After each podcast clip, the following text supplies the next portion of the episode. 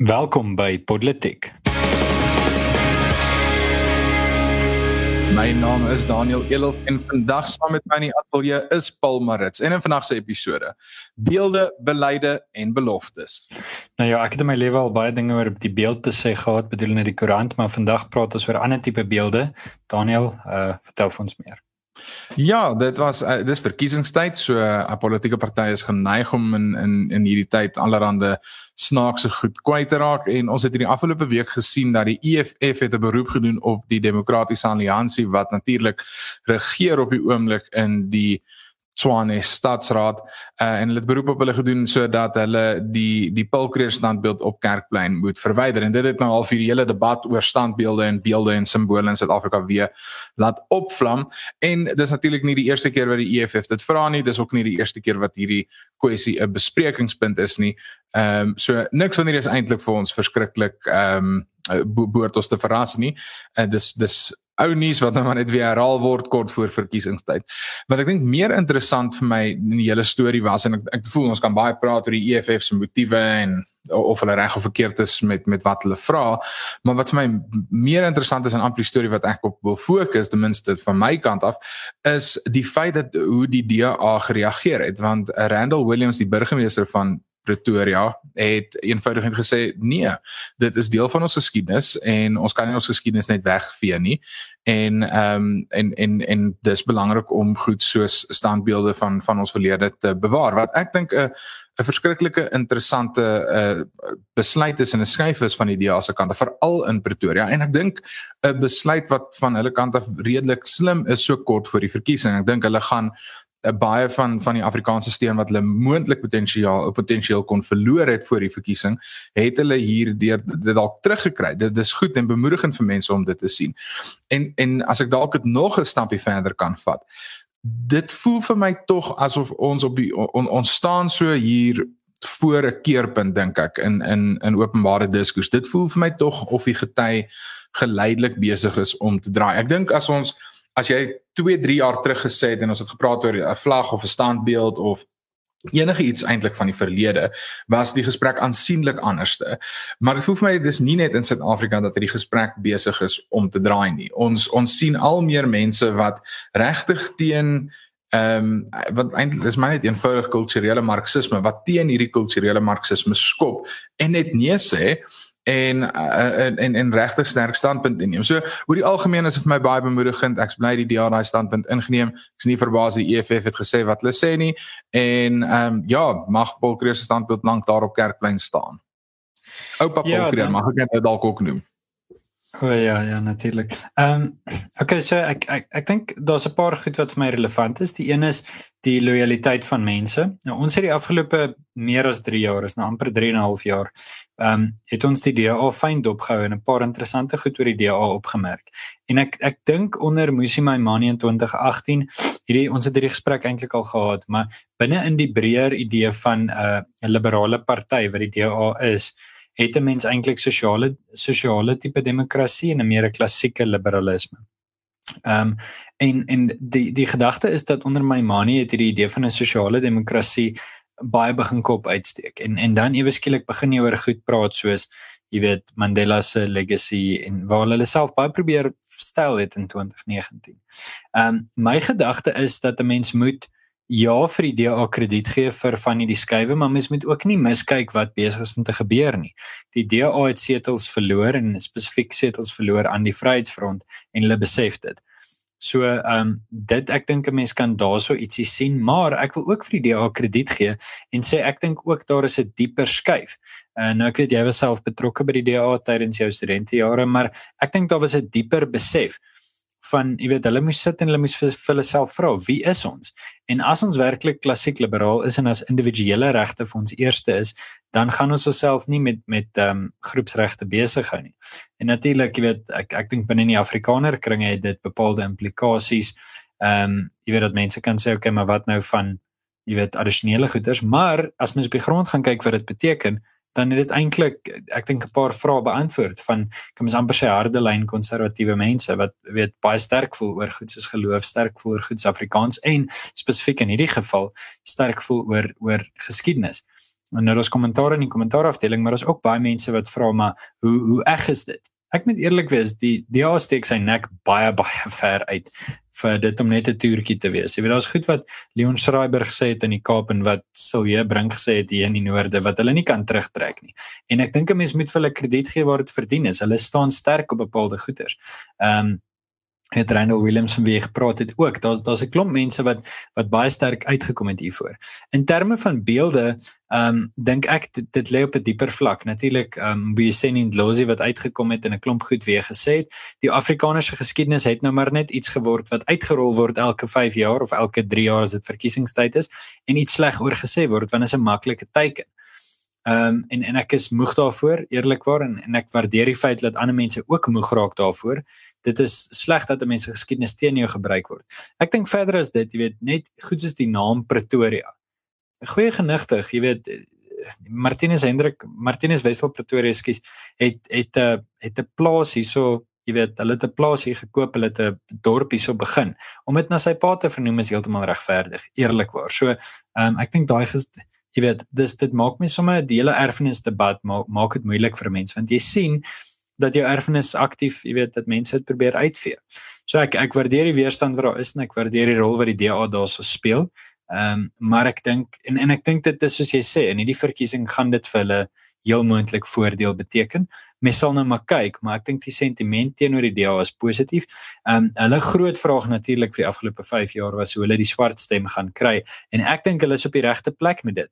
Hulle, jy weet, hulle hulle het hierdie tweeslagtige benadering, ehm um, ja, tweeslagtig is die verkeerde woord. Hulle het hierdie ja, hierdie dubbeldoor benadering waar hulle spesifiek kyk na na groepe en met bepaalde uitsprake wat hulle maak, maar terselfdertyd slaan hulle baie hard op hulle hulle manifesto wat sê ehm um, jy weet ons wil ons wil dinge gedoen kry. Ons sal nou 'n bietjie meer praat oor hulle manifesto, maar die gedagte van kom ons kry goed gedoen.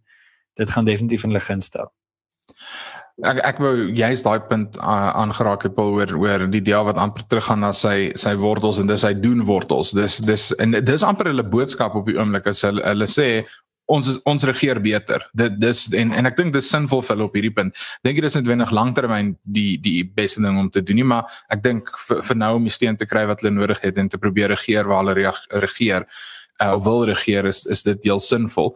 Ek, ek wil twee goed aanraak. Die eerste ene is ehm um, ek het al voorheen die politiek ook genoem maar Ehm um, daar's daar's 'n skeiding tussen die noord en die suid en ek dink dis redelik duidelik en dis jammer dat ons vriend Ernst nie nou hier is sodat hy sy uh sy tuisprovinsie kan verdedig nie maar ek ek ek glo regtig daar's daar's 'n groot verskil tussen wat in die Kaap aangaan en wat is wat hier in in die noorde aangaan. Ehm um, dis maar die ou Kaap en Transvaal tipe gesprek en ek ek dink dit is definitief baie beslis binne die DA bestaan dit. Want ek ek dink hoe byvoorbeeld Randall Williams in Pretoria regeer in die konteks waarin hulle hier is en hulle beleidsbenadering wat hulle hier volg is aansienlik anders as wat ons in die Kaap sien. Ehm um, die Kaap regeer die DA nou vir, vir aansienlik langer. Hulle posisie is anderste, die hele omgewing is anderste.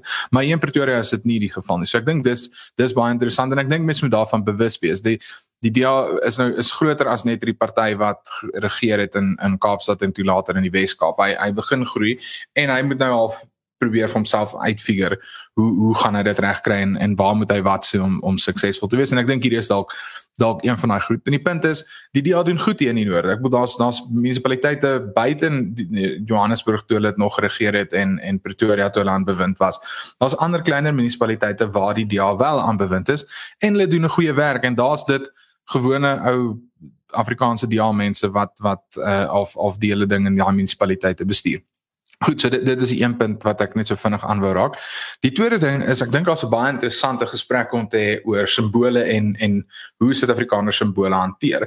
Want dit is my natuurlik verskriklik ironies dat uh iemand soos Mbuyiseni en Dlosi te kere gaan oor 'n Paul Creer standbeeld, maar uh een van hulle grootste helde en simbole is iemand soos Che Guevara uh dis my vreemd en, en ons praat altyd van hierdie teenstrydighede uh wat wat veral binne uh uh die kommuniste is Maar hoe hoe hulle sekere simbole hanteer is eenvoudig nie gelyk nie. Ehm um, uh, uh, uh, hulle verromantiseer sekere mense en hulle ander maak hulle absoluut asof hulle die duiwel is.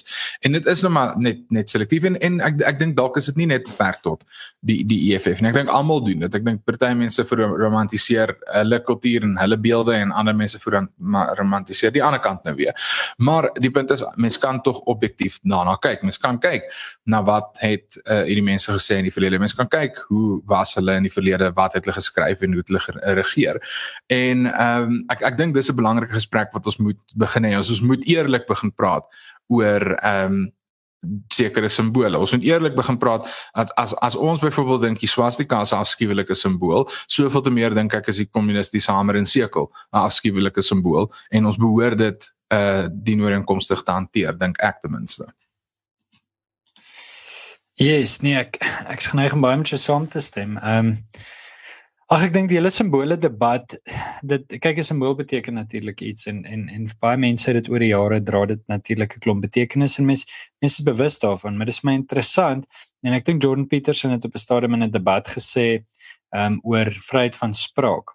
Toe praat hy daaroor toe sê jy weet na die regterkant toe weet ons wat gebeur as as dinge erg raak. Jy weet, jy weet hoe lyk like fasisme en jy weet op watter punt word iets fasisme en dan jy weet is dit amper asof alle alle hekke toeslaan en sê ons gaan nie verder, ons gaan nie 'n tree verder nie. Maar na die linkerkant toe is dit asof daai debat net nog nie gevoer word nie. Jy weet, baie van hierdie groen partye wat nou natuurlik ook um, in Duitsland steen gewen het en in 'n klomp lande in Europa steen wen. Van die goed wat hulle sê kom eintlik neer op 'n baie harde lyn sentrale bestuur en ons het al gesien wat gebeur as dit skeefloop. Maar dis asof dit net oukei okay is. Dis asof dit nie sulke skandes is. Jy weet om te jy weet dis dis oukei okay dat dat daar miljoene miljoene mense dood is onder Mao Zedong se great leap forward want uh dit was ek weet nie dit dit was net oukei. Okay, dis alright. Ons gaan seker goed weer probeer of dis nie so erg nie. Jy weet dis dis my vreemd. Ehm um, maar. Okay uh dis dis in elk geval jy weet iets wat mense daaroor kan praat. Ek dink 'n ander simbool, miskien as ek die volgende storie kan inlei, um is dit hierdie gedagte van taal. Want taal het ook 'n simbool geword. Jy weet taal is 'n vlaggenskap vir kultuur en taal het hierdie simbool geword wat mense nou soort van ook wil aanval. En die gedagte om Afrikaans aan te val, Blydensmande het vir ons gewys op sy Twitter gisteraand dat um jy weet dis dis vir hom is is dit gewoon so eenvoudig soos om te sê maar hy wil Afrikaans red uit die hande van die regs is wat ook al. Jy weet of uh, uit die hande van nasionalisme wat ek dink absolute nonsens is en ek het sosiale media om aangevat. Maar ek wil graag ietsie sê oor die Nisa se taalbeleid. Ons het laasweek het genoem en gesê dit was 'n groot oorwinning. En um, die stof het bietjie gaan lê en 'n mens kan nou die bietjie na die feite kyk. So vir jou as politiek luisteraar verskoon my ek net so oomblik so bietjie tegnies raak hieroor. Wat die um, Supreme Court of Appeals of die Appel of soos in Afrikaans noem gesê het was baie spesifiek in verhouding met artikel 29. Nou artikel 29 van die grondwet sê dit dit praat oor uh onderwys en artikel 29.2 praat oor jou reg tot onderwys in jou moedertaal. So as politiek luisteraar behoort jy dit te weet en jy het al baie van jou lewe hiervan gehoor. Maar baie spesifiek. Die Appelhof het gesê dat wanneer 'n leerder alreeds die voordeel het om in sy amptelike taal onderrig te kry, dan uh, het die staat 'n negatiewe plig om dit nie weg te vat nie. So die hof praat van 'n negative duty. So hulle kan nie sê artikel 29.2 sê jy kan in jou moedertaal onderrig kry waar dit doenlik is. En wat die hof sê is jy kan nie argumenteer dat iets doenlik was en ewe skielik nie meer doenlik is nie. Ehm um, jy kan argumenteer ons het dit nie en dis nie vir ons moontlik om daar uit te kom nie. Daar's bepaalde versperrings. Jy kan nie argumenteer dat jy kon iets gister gedoen het wat jy vandag nie meer kan doen nie. Ehm um, en so uh aan die hand daarvan uh is die regverdiging van die verwydering van die Engels en Afrikaans model nie regverdig nie uh, want vir Unisa was dit doenlik om dit te kon doen. So baie tegnies as jy nie noodwendig regsgeleerd is soos ek nie, dis hoekom ek dit so eenvoudig moontlik maak, maar 'n negatiewe reg beteken jy weet iets kan nie van jou weggevat word nie. Uh en en uiteindelik wat ons hier gesien het is die jy weet Unisa het probeer om iets weg te vat wat bestaan het en hulle kon dit gewoon nie regverdig nie. So baie interessant. Ehm um, en ek dink jy weet Daniel uit 'n uit 'n regstegniese hoek uit sal hy vir ons baie meer toelig toelichting kan gee. Maar die interessante vraag is nou, wat het gebeur by RAI? Wat het gebeur by IP? Wat het gebeur by wat is besig om te gebeur in Potchefstroom? Is universiteite besig om voortydig Afrikaans weg te vat terwyl daar eintlik inderwaarheid nog terwyl dit heeltemal doenlik is en is daai negatiewe reg ook besig om so toegepas te word. So daarna ek sal graag jou opinie daaroor hoor, maar ek dink hier's nou die deur oopgegooi vir 'n klomp hersiening. Ek wil ek wil julle nie te veel verveel met regstelsing so goed nie, maar ek dink jy jy som die die kruks van die saak in elk geval goed op en en wat 'n wonderlike uitspraak. Ek ek het met die vorige episode met baie lof oor oor die hele uitspraak gepraat. Ek ek wil fokus op ek ek wil amper sê die die breë prentjie in hierdie geval en en veral oor die taaldebat, nie noodwendig net die Nisa nie. Die die vir my kom dit eenvoudig neer op mense kry mense wat wil bou en mense kry mense wat wil breek en wegneem. En dis waar op hierdie taaldebat kom. Jy kan sê dit gaan oor uh, die die feit dat maar daar's net Engels en Afrikaans en en ons moet eerder net een kies. Die feit van die saak bly staan, jy vat iets weg wat reeds bestaan, jy breek af van iets wat reeds daar is in plaas van om jou fokus op te sit en jou hulpbronne te eh, spandeer aan om te bou, om tale ook op 'n vlak te kry dat dit as akademiese taal kan gebruik, om nie net op universiteite te fokus nie, maar te besef vir universiteite om Suid-Afrikaanse Suid-Afrikaanse tale uh, uh aan te neem binne die klaskamers het ons nodig dat daar hierdie stroom van leerders is wat van hulle laerskole af van voor dit af in hulle moedertaal geonderrig word sodat hulle op die ouende kan professioneel gaan studeer in hierdie rigtings of 'n ambag gaan doen en en leer in hierdie studierigtings. En dis eenvoudig waaroor dit vir my gaan. Dit gaan oor mense wat wil breek en mense wat wil wegvat en teenoor mense wat wil bou. En hierdie uitspraak, die Unisa uitspraak is 'n wonderlike wonderlike verwikkeling in die grondwetlike hof en is 'n wonderlike uh ontwikkeling binne die Suid-Afrikaanse reg om te sê die hof het die hof het eintlik in soveel woorde gesê, nee, jy kan nie afbreek nie, jy moet eerder bou. En dit is regtig dink ek 'n positiewe ding wat wat uiteindelik uh vanaf die grondwetlike hof gekom het. As ek so bietjie net 'n weier tree kan neem want ek dink by politiek natuurlik enigiemand kan die nuus lees. Ehm um, as jy ons sien as 'n nuusprogram is ek gevlei daaroor. Ehm um, maar ons ons raak maar net aan drie stories gewoonlik of of selfs twee in 'n internasionale storie. So ons ons is nie net 'n nuusprogram nie, meer 'n kommentaarprogram as jy nuus by ons kry. Dankie daarvoor. Maar ehm um, ek dink die kommentaar op hierdie punt is is redelik eenvoudig. Ek onthou toe ek seker eerste of tweede jaar was, toe begin die taaldebat in Potchefstroom nou eintlik regtig. En ehm um, toe jy weet sê my pa vir my die goed is altyd 'n pendulum en en ek sal daai woorde baie duidelik onthou want dis interessant hoe dit so oor die jare net maar vloei nê. Ek bedoel as jy dink NP van Wyk Lou, 'n uh, tipe van 'n gegoede uh, Afrikaner, ek dink sy pa was 'n staatsamptenaar, hy's gebore in 1906 net na die oorlog. En uh, hy was in in Sax, uh, jy weet in in die in die suidelike voorstede van die Kaap was hy op skool gewees. Uh jy weet en daar was regtig hierdie gedagte gewees dat jy weet die, die groot die goeie geleerdes is eintlik maar in Engels opgelei. Selfs as mens teruggaan, jy weet toe toe die genootskap vir regte Afrikaners in 1875 begin, toe 'n klomp Hollanders en 'n klomp Engelse vir hulle gesê maar jy weet, ehm um, dis dit maak nie sin nie. Dis hoekom dit nie eintlik profs en so aan was nie. Dit was maar 'n predikant gewees en en sy broer en sy vriende wat begin het met die genootskap vir regte Afrikaners en later het dit momentum opgebou en die akademie het agter dit inbeweeg. Ehm um, Jy weet en dan sien 'n mens geleidelik hoe die pendulum swaai. Miskien, jy weet 1948 merk 'n bepaalde punt van Afrikaner nasionalisme, dan is daar baie sterk gedagte oor Afrikaans en hier deur die 80s staan dit dalk weer 'n bietjie wat mense sê ag jy weet hoe belangrik is Afrikaans nou regtig? Moet ons nie maar almal verenig onder een tersiêre onderrigtaal nie. En jy weet ek dink daai idee, ek ek sê baie keer ek dink ja, die ANC het bietjie vasgehaak in die 90s. Ehm um, en en so bietjie weet Joe Slovo het het het regtig probeer om 'n kommunistiese sosialistiese droom in Afrika neer te sit. En met sy sterfte dink ek baie keer die idees het bietjie opgeraak. Ek dink Blyden Zamande oor wie ons nou al vandag 'n keer wat gepraat het. Hy sit vas in hierdie narratief dat ehm um, mense met een taal praat, jy weet, want ons moet 'n een eenheid wees in hierdie jy weet Utopia, die sosialistiese Utopia wat hy wil skep, of Utopia wat hy wil skep, gaan 'n uh, gaan in 'n groot mate enkel medium wees. Dis hoekom baie van wat hulle sê oor Zulu en Xhosa en Tswana ehm um, eintlik maar lippedienste is. Hulle hulle het nie regtig al te veel moeite gedoen ten minste van wat ek kan sien om van die regering se kant af hierdie tale te ontwikkel nie. Baie van die ontwikkeling ehm um, van hierdie sogenaamde Bantu tale by universiteite is op eie houtjie. Het sy die universiteite self of die gemeenskappe wat dit begin doen. So ehm um, ek ek dink die die pendulum is besig om te swaai. Die gemeenskappe en dit sluit die Afrikaner in, maar dit behoort jy weet die uh, die Setswana uh, gemeenskap in in Noordwes, uh, terselfde die Zulu gemeenskap uh, teen die teen die Ooskus en miskien die Xhosa gemeenskap in die Suidkus. Hulle moet net aanhou, hou net aan om jou taal te gebruik, hou aan om jou taal te besig. Ek dink die die pendulum sal voldoende swaai dat die gedagte van ehm um, tersiêre onderrig in in die moedertaal regtig in die toekoms weer eh, weer sinvol is en dat die weerstand daarvoor verminder. Uh jy weet ek was nog 2015 eh, 16 op universiteit toe ons #afrikaans must fall by wits gesien het waar Afrikaans nog nooit reg was nie so okay maar uh jy weet ehm um, so die, die pendulum is besig om te swaai en ek dink hierdie hofuitspraak is dalk 'n uh, 'n merkbare oomblik 'n draaipunt miskien ek hoop dit is uh jy weet waar die die 2017 uitspraak teen die Universiteit van die Vrystaat miskien nou weer absoluut die die al die die ultimate was die die absolute maksimumpunt was na daai kant toe dat Afrikaans daar regtig nekslag toegedien is. Hopelik nou kom daar 'n bietjie normaliteit in die gesprek. Dit sal ten minste vir my uh, vir my goed wees.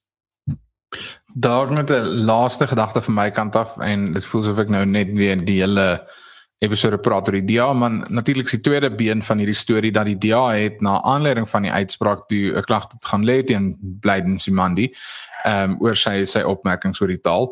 Uh so ja, maar gepraat van die DA, gepraat van politieke partye, Paul, kom ons gesels 'n bietjie oor dit is nou immers verkiesingsseisoen. Kom ons gesels bietjie oor die verskeie politieke partye se planne vir waar hulle gaan regeer. Ja, weer eens ek ek kan seker nie sê dat ek nie daarvan hou om tegnies te word en dan word ek heeltyd tegnies nie. So ek hou baie keer daarvan om so 'n bietjie statistieke en data te gee. Dit dit gee vir mense 'n bietjie groter prentjie. Ek dink die belangrike ding wat ons moet weet van munisipale verkiesings en dit sê ons al vir mekaar vir jare. Ons het by politiek in 2019 veral baie klem daarop gelê. Die nasionale verkiesings is wanneer die groot monsters wakker word. Dan is daar addisionele befondsing, amper asof die groot politici in hulle eie sakke hande steek. Daar's groot fondsinsamelings, daar's busse, um, en die nasionale verkiesings sien gewoonlik 'n baie groter uitkeersyfer. Wat ons sien uh in die munisipale verkiesings wat dan gebeur 2 jaar na afloop van die nasionale verkiesings is dat daar 'n bietjie laer uitkeersyfer is, veral merkbaar 'n laer uitkeersyfer van ANC kiesers. En die rede hoekom ek dit sê is want ons sien histories dat die ANC nie so goed doen in die munisipale verkiesings soos wat hulle doen in die in die, in die nasionale verkiesings nie. So net net bietjie uh om tendense aan te wy. In In 9, in 2011 het die ANC 62% van die stem op homself kon keer en in 2016 slegs 55,7%. So jy sal onthou dat 2016 was gesien as hierdie groot oorwinning vir die DA want hulle het in Johannesburg en in Pretoria die burgemeesters gekry. En 'n mens kan dit hier sien, 'n merkbare 7% afname vir die ANC. Nou as hierdie patroon sal aanhou en die ANC gaan weer 7% verloor, dan uh, wil ek vir jou Daniel en vir jou as politiek luisteraar sê dan gaan ons vir die eerste keer na 94 'n resultaat sien waar die ANC minder as 50% in 'n verkiesing kry. Die vraag is is dit realisties? Ek weet nie. Uh, ek en jy het verlede week gesê daar's min ANC bemarking in ons woonbuurte, maar ons weet dat die ANC baie spesifiek bemark in bepaalde omgewings. Hulle dink dalk nie dat uh jy weet Pretoria Oos die plek is waar hulle stemme lê nie. Mens kan dit ook sekerlik verstaan. Nou goed, die uh EFF het nie bestaan in 2011 nie en 2016 het hulle 8,31% van die stemme gekry. Hulle primêre uh verkiesingsfokus hierdie jaar is land and jobs manje of land en werk nou. So hulle sê ons gaan land gee, ons gaan werk gee nou. En daar's niks regtig nuut of innoverend in hulle verkiesingsmanifest nie behalwe dat hulle verlate geboue wil herstel en mense daar wil laat bly vir goedkoop huising en dit kom op dieselfde dag vir die DA ehm um, wette uitgevaardig het of ten minste probeer uitvaardig om die besetting van leë geboue onwettig te maak. So daar's 'n baie bepaalde kwessie oor leë geboue. Ehm um, die DA soos ons nou-nou gesê het, hulle fokus is hulle kry dinge gedoen. Nou die DA het 27 munisipaliteite in die land en die top 5 munisipaliteite op hierdie stadium is DA munisipaliteite. Dit is Stellenbosch, Drakensberg, Mosselbaai, Oeverstrand en Saldanha. So hierdie is DA munisipaliteite, dit word gesien as beste munisipaliteite in die land en ehm um, die DA het in 2011 het hulle 23,9% van die stem gekry en in 2016 24,6. So daar was 'n toename vir hulle. As hulle weer 'n toename sien, sal dit vir hulle goed wees. Ek vermoed en ons ons sal miskien nog 'n episode hê eers voor einde Oktober. Ehm um, maar ek vermoed die DA mag dalk 'n bietjie beter doen as in 2019. Ehm um, maar ek ja, dit gaan moeilik wees in terme van 2016 om nou te sê hoeveel setels hulle gaan vat. Ek dink wel in Pretoria en Johannesburg kan daar ietsie soos 'n DA Action SA EFF koalisie wees wat die ANC dalk kan uitstoot. Ek dink dit is onmoontlik nie. Ehm um, maar ja, ek ek dink uh dis so 'n bietjie iets oor die feite. Ons gaan uh, ons gaan natuurlik hier by politiek baie spesifiek kyk daarna. Iets wat ek net moet opmerk is dit het voorgekom in die registrasies asof baie minder jong mense gaan registreer het. So 'n uh, 'n klomp jong mense het net besluit hulle gaan nie registreer nie. COVID speel dalk 'n rol, maar dit speel dalk ook 'n rol dat die 1994 wonderwerk is net nie vir hulle soveel van 'n wonderwerk nie en politiek voel nie regtig vir jong mense soos die oplossing nie.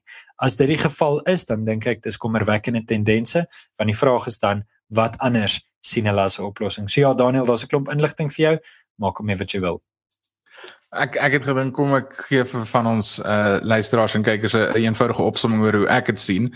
Ehm uh, vir vir my kan mens elke liewe een van hierdie partye se uh, so goed soos volg soos volg opsom. Die ANC sê, basies ons is jammer dat ons nog nie reg gekry het wat ons beloof het ons reg kry. Ons beloof die keer sal ons dit reg kry. Die DA sê net ons regeer goed soos ek vroeër in die episode genoem het. Die EFF is presies wat jy sê. Hulle sê uh grond en en werke nou onmiddellik uh, dadelik. Dis wat hulle al vir die afgelope 10 jaar altyd sê. Action Society sê uh, kom ons probeer um, uh, om om die gemors reg te maak en die Vryheidsfront Plus sê eenvoudig uh, kom kom ons stop, stop die verval. Die, stop die verval. Ja. Ehm ja. um, nou nou dis dis in 'n nette dop dink ek wat wat al die partye sê. Ek wil mense kan in elke liewe een van hulle ehm um, gaan fout vind. Ek ek dink daar's baie ooglopende foute in in elkeen se benadering. Ek dink daar's baie oorgelopende teenstrydighede met wat hulle sê. Ek dink ons moet eerder in pod, hier met politiek 'n spesiale episode doen nader aan die verkiesing waar ons bietjie die manifeste in diepte vir 'n uur lank uh ontleed en en bespreek. Maar ehm um, vir nou fokus ons maar nou net op wat hulle die afgelope week gedoen het. Dit was my baie vreemd dat die DA byvoorbeeld besluit het om op Erfenisdag hulle hulle manifest uh, bekendstelling te hou. Ek ek ver, verstaan nie hoekom jy dit sal doen nie. Uit die aard van die saak hou Suid-Afrikaners baie meer van Brian Keyer as van ehm um, uh, uh politiek en verkiesings. So ek ek dink dit was 'n bietjie 'n strategiese fout van hulle kant af. Ehm um, en en dan natuurlik met die met die EFF is dit vir my heeltyd snaaks om om van hulle te hoor dat uh, in die een mond sê hulle dat COVID is waarskynlik die gevaarlikste virus wat die die mense al ooit gesien het maar terselfdertyd is hulle heel gemaklik om in duisende hoeveelhede mense bymekaar te kom te kla oor 'n standbeeld en ehm um, natuurlik hulle verkiesings uh ehm um, manifest se se begin wat mense dit hulle, hulle launch te te vier. So ja, dis maar eintlik my gedagtes oor oor die verkiesing. Ek dink en ek het dit in die vorige episode ook genoem, hierdie verkiesing gaan ons groot verandering sien. Ek dink daar gaan groot groot verrassings kom en ek dink dit gaan baie interessant wees. Ek dink die EFF gaan in sekere munisipaliteite dalk mag hulle regeer vir eerste keer ooit en dit gaan natuurlik baie interessant wees om te sien hoe ehm um, 'n uh, uh, openlike marxiste munisipaliteite gaan bestuur en ek dink so een of twee ander plekke gaan gaan ons snaakse koalisie regering sien vir die eerste keer en dit kan wonderlik uitwerk dit kan absoluut verskriklik uh, skeefloop maar nietemin is dit verskriklike interessante tye en dis 'n verskriklike interessante verkiesing wat uh, in November gaan plaasvind. Ja, ek ek dink soos jy sê ons ons gaan lekker praat oor die oor die party ons sal dit erns doen. Ek ek sien hier's 'n hier's 'n kommentaar wat sê ons ons praat baie oor die DA. Nou goed. Ek dink dit is waar nie. En uh, laat ek laat ek dan 'n oomblik toewy en en vinnig iets sê oor die Vryheidsfront. Myself oorloof om dit te doen. Ek ek dink dat die Vryheidsfront in 'n ongelooflik bevoordeelde posisie is dat sy kiesersbasis afgekamp is amper jy weet dis baie duidelik waarvoor hulle staan. Dis baie duidelik wie vir hulle stem. Ek dink Suid-Afrika het 'n demografiese demokrasie in 'n sekere sin. Mes stem vir leiers wat soos jy praat en soos jy lyk like en soos jy dink en en dit is maar nog steeds 'n realiteit. Dis kom die EFF nie aan die ander kant van die Drakensberg ontsettend gedoen nie. Wat dink ek verder van die Vryheidsfront? Ek dink dat hulle ontsettend baie geleentheid het om baie maklik laaghangende vrugte te pluk wat hulle gewoon nie doen nie en dit pla my. Ehm um, ek dink om standpunt in te neem oor verpligte inentings is direk in hulle kraal. Ehm um, jy weet maar nou is daar eintlik maar radiostilte. Dan is dit jy weet ek wat reageer van solidariteit jeugaf, die DA reageer, klop mense reageer en sê maar jy weet jy kan nie mense dwing en verplig nie. Waar ek dink die die tipiese Vryheidsfront plus kiezer het het amper eensklaps 'n sterk mening teen verpligte inentings. Maar daai media verklaringe, jy weet, ek weet nie, tref my net nie. Dalk lees ek op die verkeerde plek. Dalk is dit nie op hulle Twitter of op hulle Facebook nie, maar ek dink as jy 'n party is wat jy weet eintlik so sterk behoort te kan staan op sulke kwessies, jy weet laat ten minste net jouself, laat van jouself hoor. Ehm um, en ek dink die die die vraag is, jy weet, moet Afrikaanse mense aanhou stem vir 'n party wat histories Afrikaans was net omdat hulle Afrikaans is? Want daar is soveel kwessies om voorop te staan. Ek dink jy weet baie van die beginsels van die Vryheidsfront maak sin, maar ek dink bietjie daai energie en daai jy weet daai daai byt mens sien elke keer wanneer 'n verkiesing is sien jy hierdie dreigemente en beloftes van vat terug en herbou en slaan terug en so aan. Maar jy weet dan vir die volgende 2 jaar sien jy nie media verklaringe nie hoor jy nie toesprake nie sien jy nie video's nie Ehm um, en die tipe energie, jy weet, net wat dit het vir John Steenhuisen niks gekos om te gaan staan by die grens van die Wes-Kaap en te wys, kyk hier teer, kyk hoe stop die teer. DA ANC. Jy weet, dit was maklik. Dit het dit het hom niks gekos nie. Hy kon dit met 'n selfoon geneem het. So ek dink daai energie en dinamiek mis 'n bietjie. Ehm um, so jy dalk beginsels wat ek mee saamstem, maar 'n tekort aan energie. Ehm um, dis my gevoel en as iemand van die Vryheidsfront hier kyk en uh, aanstoot neem, jy het my nommer bel my ons praat daaroor maar ek dink hier's ontsettend baie laaghangende vrugte wat net nie gevat word nie. En dis waar my pleintjie vir die DA inkom. Jy weet om om 'n 'n debat met die EFF te en op te staan vir waar jy glo is nie moeilik nie. En sal jy bring doen dit en dan gaan video's viral en dan sien 'n mens hoe trap hy die EFF uit en almal dink sjoe hier's ou wat opstaan vir iets van hy glo. Dis nie moeilik nie. Ehm um, deesdae kan ons sê dit heeltyd op politiek Hallo spesiale episode is dit ten minste een vraag daaroor. Almal het hulle eie uitgewery geword. Wil jy 'n boek skryf, skryf hom, sit hom op Amazon print on demand. Dan gaan jy, dit kos jou niks nie, kort rekenaar en elektrisiteit. Ehm um, jy weet jy kan gratis wifi kry in Pretoria in 'n parkie. Uh, so jy weet dis nie moeilik nie. Dis nie moeilik om standpunt in te neem nie. Dis nie moeilik om publisiteit te skep van die simpelste goed nie. Maar jy gaan dit moet wil doen. Ehm um, en dis my preekie vir die dag. Dan nou miskien moet jy oorvat voordat ek iets sê wat ons gedagvaar kry. Toe maar Paulus, jy kan maar gedagvaar word. Ek sal jou jou pro amico bystaan met enige Ja, jy het nou op die lig, jy het nou op die lig gesê, né? ja, wel, ek het nog genoeg ander pro amico sake, ek kan net sowel jou nog aanvat. Maar nou ja, nee, ek wil van van my kant af dalk net 'n laaste gedagte en ek ons maar gerus ehm um, hierdie hierdie episode afsluit is ek ek dink ehm um, politiek is op 'n verskriklik interessante plek op die oomblik in Suid-Afrika. Ek dink dit dit is nie net ehm um, ek dink mense kyk baie keer net vas in hierdie groot meerderheid wat die ANC het, maar daar's nog so baie weggekalwe daaraan dat om daar's nou regtig interessante moontlikhede en ek dink nou gaan as ek nou maar die die Engelse woord kan gebruik raak politiek regtig juicy in Suid-Afrika en baie interessant. So ek sien uit na die verkiesing. Ek ek weet dis 'n vakansiedag. Ek gaan beslis ehm um, uit die aard van sake daai vakansiedag lekker geniet en sommer die volgende dag gaan na 'n bietjie verlof en sit sodat ek kan kyk hoe die resultate inkom en vir al ons luisteraars hou die spasie dop. Ek dink regtig ons gaan baie baie interessante resultate op die einde van die dag sien. Asai nou ja, soos enkel medium Engels by Unisa is hierdie episode vir eers verby. As jy hou van wat ons doen, klik op die subscribe knoppie as jy op YouTube kyk. Klik op klik ook op die klokkie dat jy weet wanneer ons regstreeks uitsaai. Ons nooi jou as luisteraar uit om self te nonsens, jy kan die gesprek voortsit in die kommentaarafdeling of op Twitter of op ons Telegram kanaal ondersteun politiek ehm um, deur ons ja jou besigheid hier by ons te bemark. So jy's meer as welkom as jy besigheid het en jy hou van wat ons doen en jy wil ons bietjie ondersteun.